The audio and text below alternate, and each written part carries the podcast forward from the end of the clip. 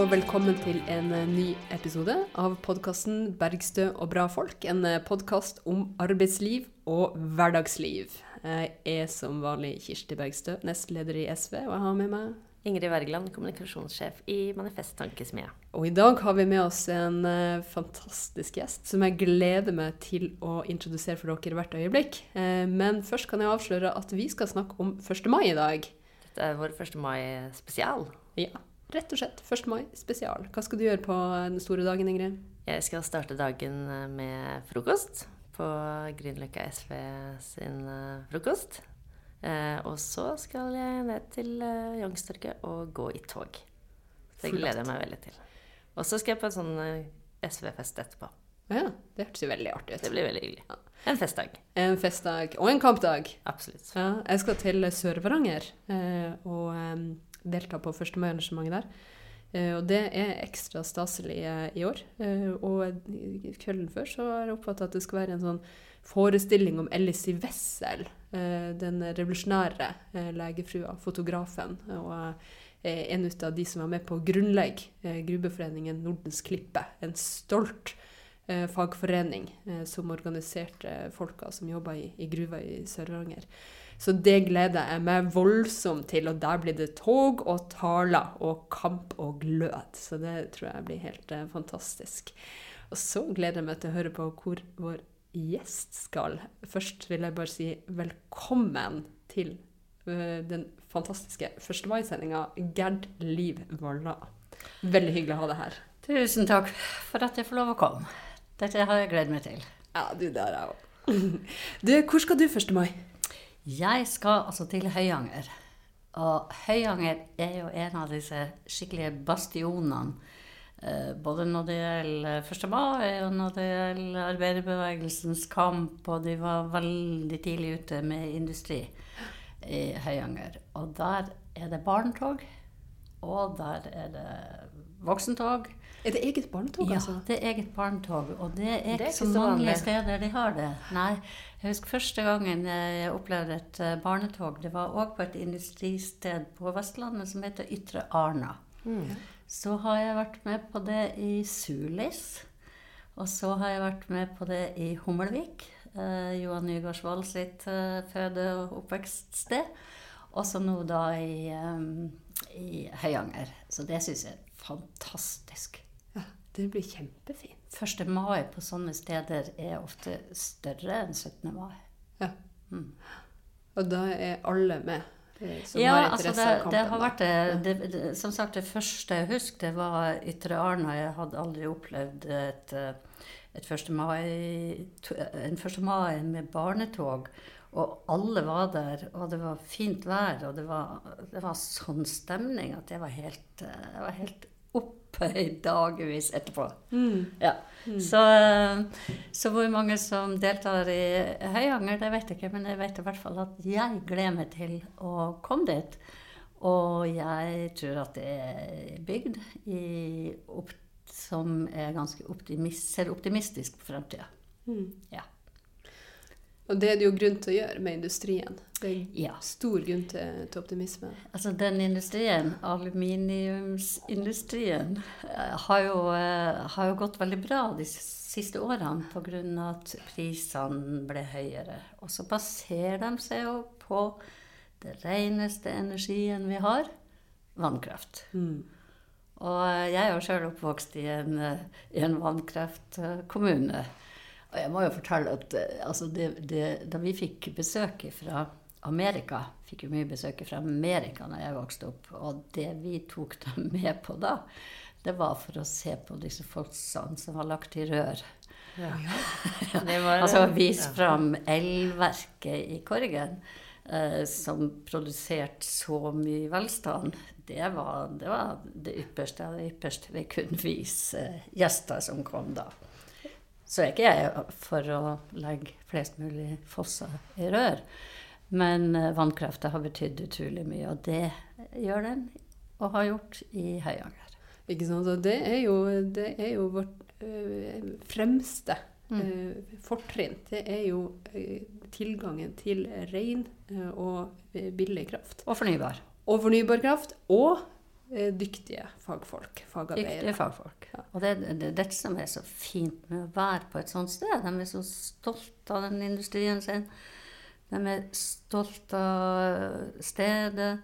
De har investert i, um, i en sånn, et kulturhus.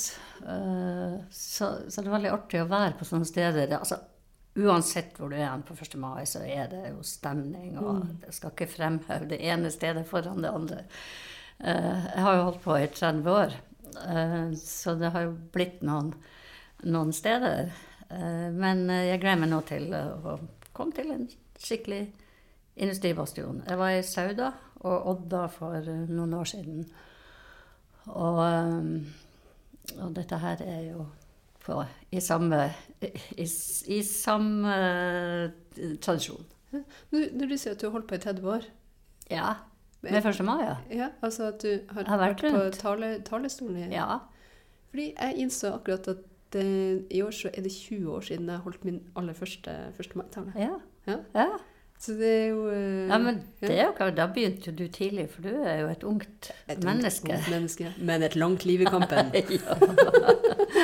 Men du har jo vært med på noen, eh, noen 1. mai-arrangement, og eh, i det også eh, noen, noen avgjørende kamper opp gjennom tidene. Er det noen ut av dem du, du husker tilbake til som spesielt eh, stor, eh, meningsfull, eh, noe som har satt seg i minnet?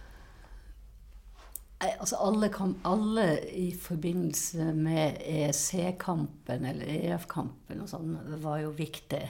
Men hvis jeg skal, hvis jeg skal trekke fram den 1. mannen jeg husker best, så var det den første 1. mai-talen jeg holdt i Oslo. Jeg har holdt 1. mai-tale i Oslo tre ganger. Og den første jeg holdt, var i 2002. Og da eh, eh, gikk jeg ut med eh, Altså, den saken som er i år, internasjonalsaken, den har jo vært i alle år. Og den var da den store saken i 2002. Så jeg gikk da inn for, på Jungstorvet for boikott av israelske varer. Og det ble jo mildt sagt et rabalder av de store. Da, da ble det halloi? Ja, da ble det halloi. Jeg tror, eh, jeg tror de ansatte i LO, han som har med dette å gjøre, jeg tror han tært 48 000 eh, litt sånn hattkort fra Israel-lobbyen. Altså de- Postkort? Ja, postkort. Oh, ja. De, de sendte sånn, eh, sånn At ferdig trykte kort. trykte kort, mens på noen sto det jo litt sånn ekstra ting. Ja. Så det bare lå i haugevis med sånne kort. Og det var jo det, Altså, jeg angrer ikke på at, eh, at jeg tok det utspillet, men det var jo litt tidlig. Eh, og det var jo ikke nok um, Det var jo ikke nok eh, støtte til det internasjonalt og sånn, sånn at det ble, det ble en litt sånn ensom eh, greie. Men, men jeg glemmer aldri den uh, 1. mai, fordi det var faktisk sånn at jeg ble litt engstelig etterpå. Uh, PST uh, ble, koblet, ble faktisk kobla inn fordi det var ganske harde, ressurser. Ja. Ja. Mm. På grunn av et politisk krav, som Ja. er fullstendig legitimt. ja. ja. Nei, det ble Men som eh, absolutt eh, skaper reaksjoner. Det, Ja. det, Men, men i det hele tatt så er jo den Palestina-saken eh, noe som, som har gått igjen. Og jeg lurer på om det var i 2006 eh, det måtte være. For da ble jeg jo innkalt på teppet til utenriksministeren i den rød-grønne regjeringa, for det hadde gått lang i eh, Vi hadde jo, vi hadde jo hatt besøk av Hamas eh, her i Oslo. Og så, og så eh, mente jo jeg at eh, i, den, i den Altså jeg mente at den norske regjering eh, var for, eh, for veik i forhold til å kritisere Israel. Mm. Og jeg husker at jeg brukte eh, Kåre Willoch. Altså når Kåre Willoch tør å si såpass sterkt ifra, så må den norske regjering òg tørre å gjøre det. Det var ikke helt populært, men det var på en helt annen måte enn i 2002. Men dette viser jo at den saken der, som er av mange kalt alle konflikters eh, mor i Midtøsten, at eh, den bare den holder på, den holder på. Det er den internasjonale parolen nå i Høyanger. Og jeg vil tippe at det er den, den internasjonale parolen i mange 1. mai-tog rundt i, i, i, Norge. Og jeg syns jo, jo, det er skremmende nå med Netanyahu som har blitt uh, gjenvalgt, og som har sagt at han skal annektere Golanhøyden. Uh, de bosettingen skal bli del av Israel. Altså, det, er, det, er, forferdelig, det som skjer. Altså, unge folk har ingen håp for framtida. Mm. Jeg syns det er helt grusomt.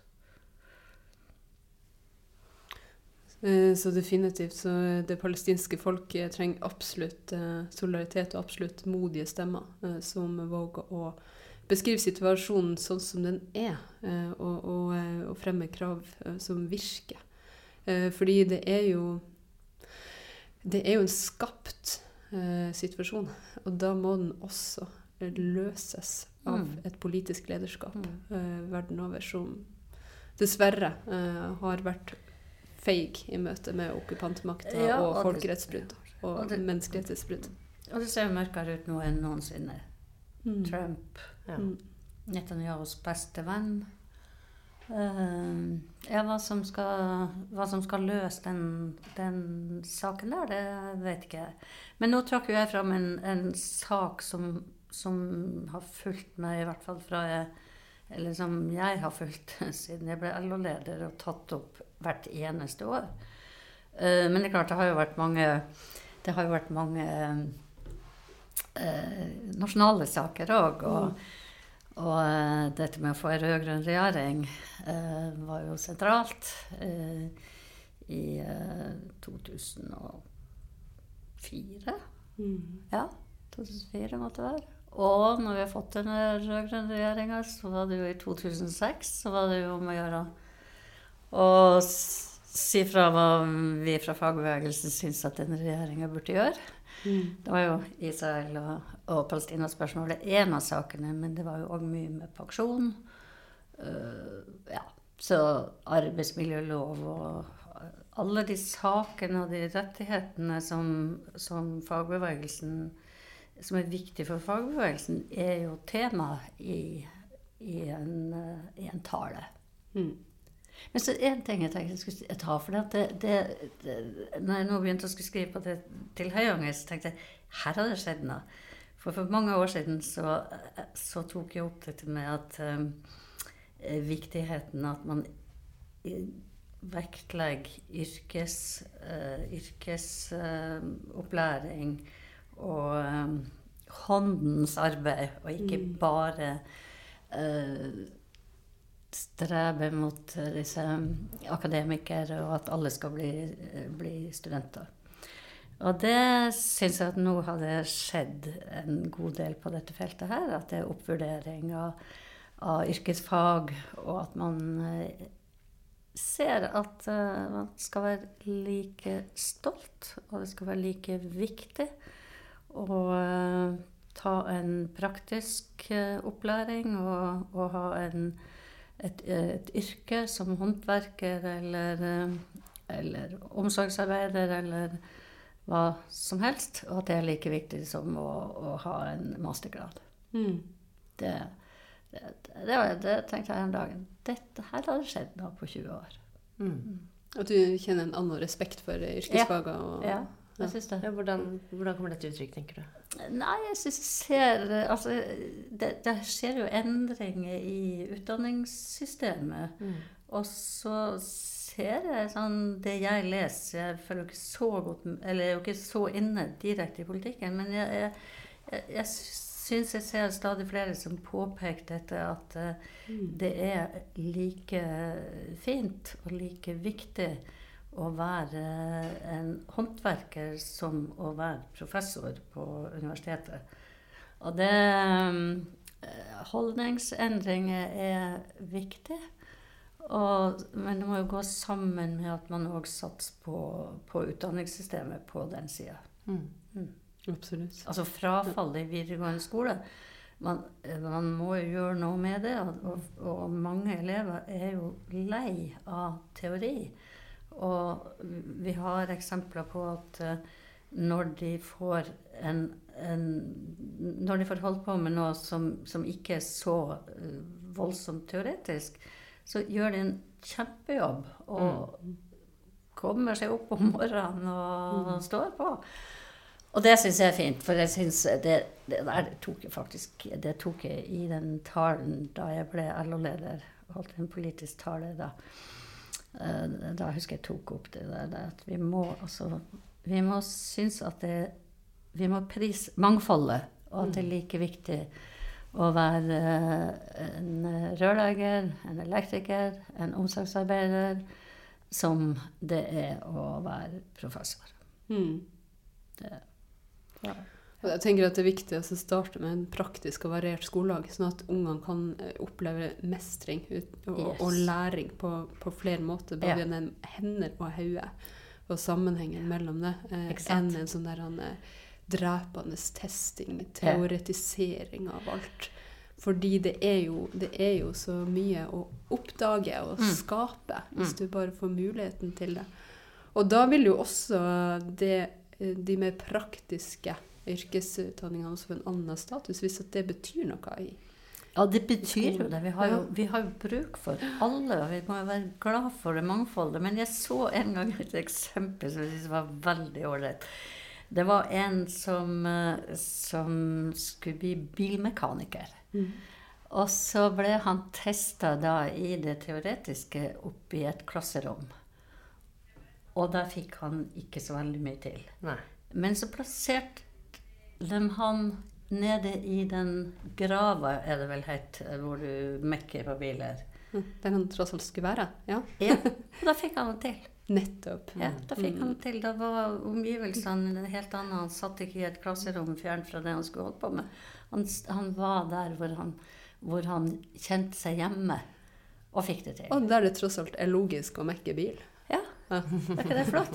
Det er, jo, det er jo det som er så paradoksalt. Det er utrolig mye mindre logisk å ha en sånn teoretisk tilnærming om hvordan du skal fikse bilen ja.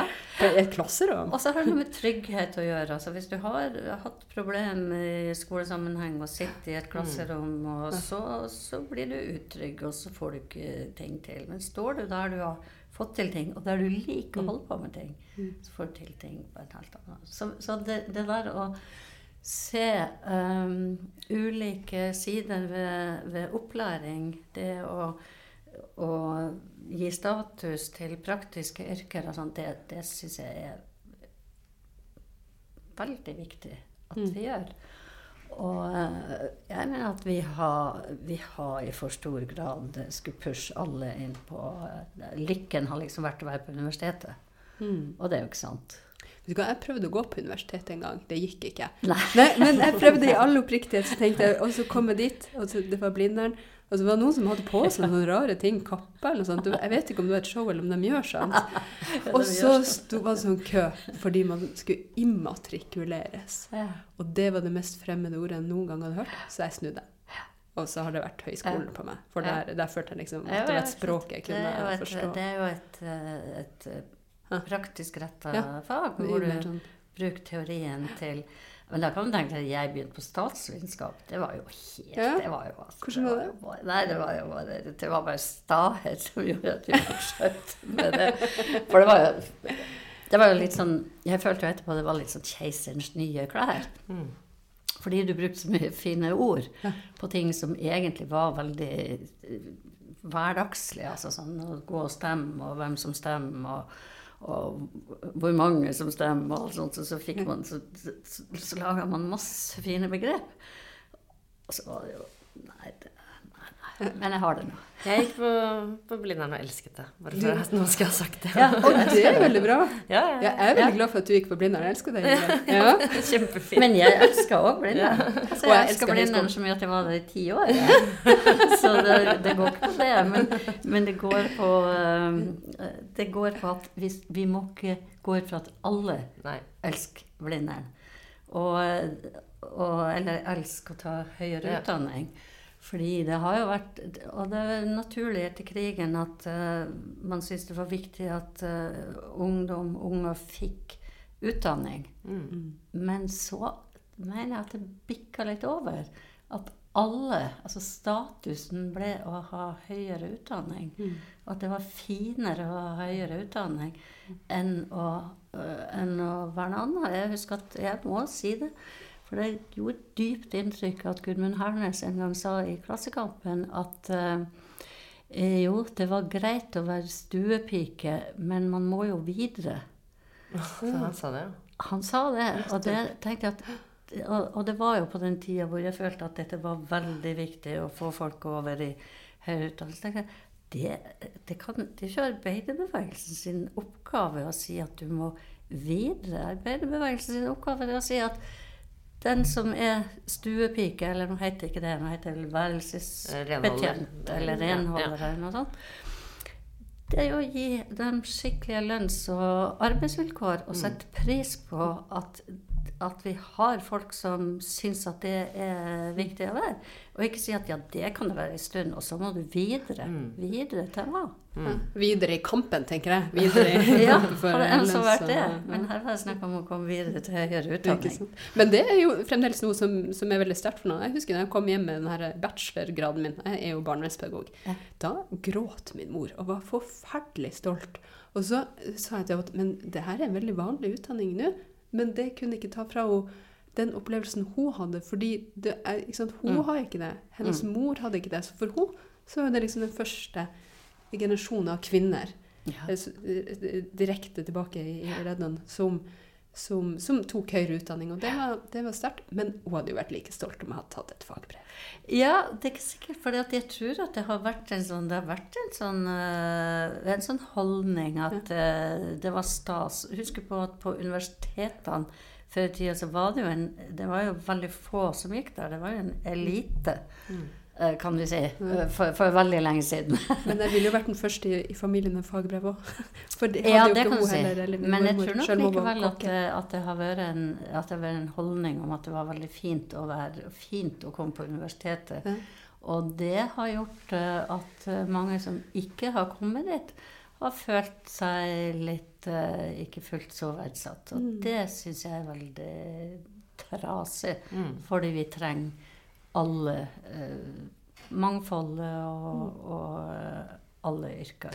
Ja, ikke sant? Du, du, du får jo ikke Du trenger førskolelærere, men også barne- og ungdomsarbeiderne i barnehagen. Sånn er det. Det er jo de mangfoldige fagmiljøene som lager eh, gode velferdstjenester. Tenk hvis du ikke har folk som, som vil ha renholdere. Mm. Vi må jo, vår oppgave er å sørge for at de får god lønn øh, og gode arbeidsvilkår. Jeg har bestandig ment at en, en smelteverksarbeider, som jeg så første gang i, på, ja, i min første år som allerede, at den smelteverksarbeideren fortjente jo mye høyere lønn enn det jeg gjorde med den der universitetsutdanninga mi. Fordi den smelteverksarbeideren hadde en, en, en, så tøff jobb. Eh, varmt og strevsomt. Og, mens jeg kunne sitte på et kontor og Ja. Men fins det rettferdighet knytta til lønn, da, egentlig? Ja, vi laga jo ei utredning i, Ja. i LO som heter rettferdig, Vi laga en lønn som heter 'Rettferdig lønn for langtidsutdanna'. Og det gjorde vi i LO fordi at vi mente at det var viktig å få de med lang utdanning òg til, eh, til LO. Og hva, hva skal lønnspolitikken for de være? Og jeg mener at den står seg faktisk fortsatt i dag. fordi at det som, det som eh, vi sa der, det var at eh, det, eh, de som har tatt lang utdanning, de har vært en del år uh, utenfor arbeidslivet. Sant? De har ikke kunnet bruke de årene, uh, ja, seks år, på å tjene. I tillegg så har man studielån. Sånn at man må ha noe høyere lån for å kompensere for de utgiftene man har hatt for å få den utdanninga, og for ikke å være ute i arbeidslivet. Og dermed så snakker vi om livslønn. Men vi snakker aldri om, eller jeg var veldig bevisst på at vi ikke skal snakke om at det ene yrket eller det ene er mer verdt enn den andre. Men at man har noe ulike og, og, som, og, og det er jo da jeg mener at hvis du har et så tøft arbeidsmiljø som mange har, så må det være et kriterium som, eh, som betyr noe i lønnsfastsettinga. Der er jo utfordringa knytta til likelønn, da, Mhm. eller hvordan en diskusjon går. Ganske stor. Jeg skrev en hovedoppgave om Det lureste jeg har gjort på Blindern, det var å skrive hovedoppgave om likelønn. Dere har gjort veldig bra ting, dere som var der. Ja. Ja. ja. Den har jeg fått tak i, faktisk. Hva sa du? Den har jeg fått tak i. Har fått tak i den? Ja. Ja, den er svær. Men eh, det, den står seg fortsatt, altså. Den, jeg mener det gjør det. Ja, hva er løsningen? Eh, på likelønns Mm. På likelønns det er eh, kamp for høyere lønninger. Og det er bl.a. det å, å gjøre kvinner i stand til å delta i arbeidslivet på linje med menn. Og hvis eh, det nå skal skje det som i avisen i dag, Klassekampen, ser ut kan bli et resultat at du ikke skal ha fedrekvote lenger, eh, så er jeg redd for at du tar likestillinga i revers. For du får aldri likestilling i arbeidslivet hvis du ikke har større grad likstilling i heimen. Kvinner kan ikke både ta seg av barn, mann, hus, hjem og være på fulltid i, i, eh, ute i arbeidslivet. Det kvinner gjør da, det er at de tar deltid. Og da eh, Altså, del, deltid er noe annet enn eh, Altså det, det, som, det at du får lavere lønn fordi du jobber deltid, det er noe annet enn likelønn. Strengt, eh, strengt eh, tatt. Likelønn det har med at du får lik lønn for arbeid og lik verdi. Mm. Eh, og at du f.eks.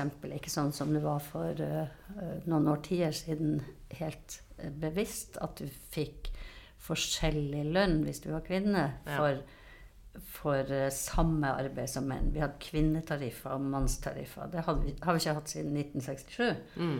Men likevel så kan du se at typiske kvinneyrker er lavere lønna enn typiske mannsyrker. Og da kan man bruke sånne verdi, eh, verdifastsettingsparametere og den type ting. Men til syvende og sist så består eh, så, så står dette i at eh, man må føre en kamp for høyere lønn, og da må man delta i fagbevegelsen. Man må delta på arbeidsplassen, og man må kun delta i arbeidslivet. Og det er det jeg er redd for hvis eh, det viktigste likestillingspolitiske grepet vi har hatt på 30 år, nemlig fedrekvoten, hvis den blir borte. For da blir mer og Da er jeg redd for at mer igjen blir over til eh, kvinner, og så begynner man å snakke om at det er like verdifullt å være hjemme som å være, som å være ute i yrkeslivet, at kvinner og menn er forskjellige.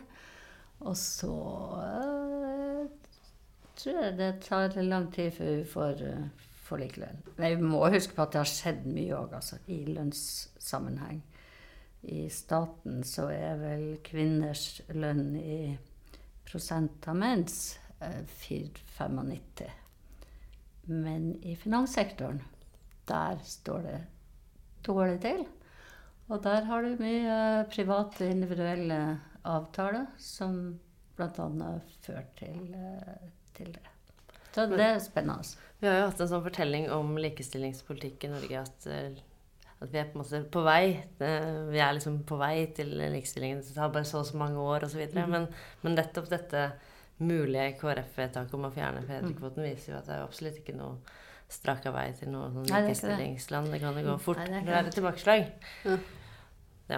Det er ingen naturlov, det er hard eh, kamp. Eh, Mm. ja. Ja, det er det. Mm. Hvis det er to saker som jeg eh, tenker på med deg, Gerliv, eh, fra din tid som LO-leder, så er det sykelønnssaken, og så er det sekstimersdag. Er det, er det rettferdig oppsummering, syns du? Er det, andre ting som du, du vil, eh, vil dra fram med andre saker? Nei, eh, altså jeg vedstår meg veldig godt både sekstimersdag og, og sykelønn. Det er klart at likelønn har vært en, en, en, en viktig sak. Men, eh, men sykelønn begynner jo nå å komme på, på dagsordenen igjen. Ja. Fordi det har jo vært et eh, offentlig utvalg, et sysselsettingsutvalget het vel det, Mm. som jo faktisk foreslår at eh, du skal redusere sykelønna eh, etter et halvt år, er det ikke det? Til 80 ja, til, ja, ikke sant? Og det betyr jo så, så sier man at nei, man skal ikke gjøre det i starten, sånn som for, alle forslag har vært før. At man skal ta de første 14 dagene eller sånn, eller sykelønn. Men man skal ta det etter, etter seks måneder, og så har du et år. Mm. Sånn, det? Ja. Og, og hvorfor skal du gjøre det? Hvor er logikken der? Eh, Jeg skjønner ikke det. fordi at jeg hørte hørt intervju med en som satt i dette utvalget, og han sier at nei, vi skal ikke ta det i starten fordi at det er ikke det som motiverer folk til å gå på jobb. Men hvorfor skal du ta det da etter seks måneder? Er det noe mer motivasjon til å gå på jobb da, og kutte i sykelønnen? Det vil f.eks. bety at en som har hatt en kreft en, en, og en lang rekonvalesenstid, eh, som du ofte har ved den type sykdommer, vil få redusert eh, sykelønna den siste delen av den, eh, den tida man har, lov, har anledning til å være sykemeldt. Og det kan bli store tap. Og det at ethvert kutt i sykelønna, det går mest utover de som tjener dårligst, som har, de, eh, som har tøffest eh, arbeidsvilkår, og som er mest syk. Og det trenger vi ikke i Norge. Vi har faktisk råd til å betale full lønn under sykdom. Så jeg bare håper at ingen lar seg friste til å selge noe syke, sykelønn. Den er ikke til salgs, altså. Mm. Man kan godt få sånn forslag om at ja, men hvis, hvis vi tar kutt der, så får dere mer penger til etter- og videreutdanning og sånt. Det har versert uh, før. Og så inngår man så, sånne kompromisser. Nei. Nei, det må man ikke gjøre. Altså. Du er vel blant de fremste sverddragerne for sykelønna i dette landet, Gerliv? Ja, det håp, altså jeg håper at det er mange som er sverddragere. Det som var veldig flott når vi holdt på den siste veiven, det var jo med den rød-grønne regjeringa. Så, eh, så var det veldig sånn sterkt ute. Altså de bare, alle bare de, de sa i Trondheim og andre steder at ja, vi, vi støtter og vi går til streik og sånn. Det gjaldt f.eks. òg midlertidig tilsetting. Det nevnte ikke du, Ingrid. For det var jo en stor og viktig sak. Og den, øh, den var jo på banen i 2003 med Bondevik og han eh, godeste professor eh, fra Bergen. Victor Nordmann. Victor Nordmann, ja. Ja. Eh, Der hadde vi jo store fighter rundt eh, midlertidig tilsetting. Og, og da var det så fantastisk å føle det der styrken som det ga, eh, ga oss og meg når vi visste at de var villige til med en gang å gå til politisk streik i Trondheim, i Tromsø, i Bergen, alle steder. Altså det er der, det er det som er styrken til fagbevegelsen. At du vet at du har mange med deg og kan som mobilisere hvis det kommer til hælinga. Og det kom til hælinga i 2003 med midlertidig tilsetting, men de trakk det tilbake. Og, Og- det tenker du er en direkte sammenheng med den styrkeoppvisninga man hadde fra fagbevegelsens Ja, side? ja, ja, ja, ja, ja, ja gæren. Det var hårabaud med, med Viktor Nordmann. Og Viktor Nordmann og jeg, vi var jo Jeg hadde jo kjent han, for jeg satt i styret for uh, Handelshøyskolen, så, så, men der var det, der var det hårabud, altså. Men da, det hadde vært med de sykelønnssakene òg. Og da er, da er den styrken som vi kan påvise, og tenker jeg òg, at man, man Altså, vi, vi, inngår jo kompromiss. Det gjør vi jo hvert eneste tariffoppgjør. Mm. er jo et kompromiss. Mm. Det er jo ingen som får det akkurat sånn som de vil i et tariffoppgjør. Da er det et kompromiss. Men å inngå kompromiss på sykelønn, det mener jeg ikke er noe man skal innlate seg på i det hele tatt. Fordi det går utover de som har det tyngst fra før. Ja, så kommer man ikke unna at det vil være å eh, gå på tap av, av fremkjempa rettigheter. Ja, ja. Det er jo eh, Ja. Nei, det er noe, av de som vil angripe, angripe rettigheter eh, som fagbevegelsen har opparbeida seg. Og uh, tar man først eh, lillefingeren, så tar man ofte litt uh, mer. Mm. Men så nevnte du Ingrid sekstimersdagen, og det er jo en, en, veldig viktig sak for deg òg. Så, mm. så der, um, der, er vi jo felles. Og der har det jo der har det jo dessverre gått litt tilbake med uh, programformuleringen i, i, i LO.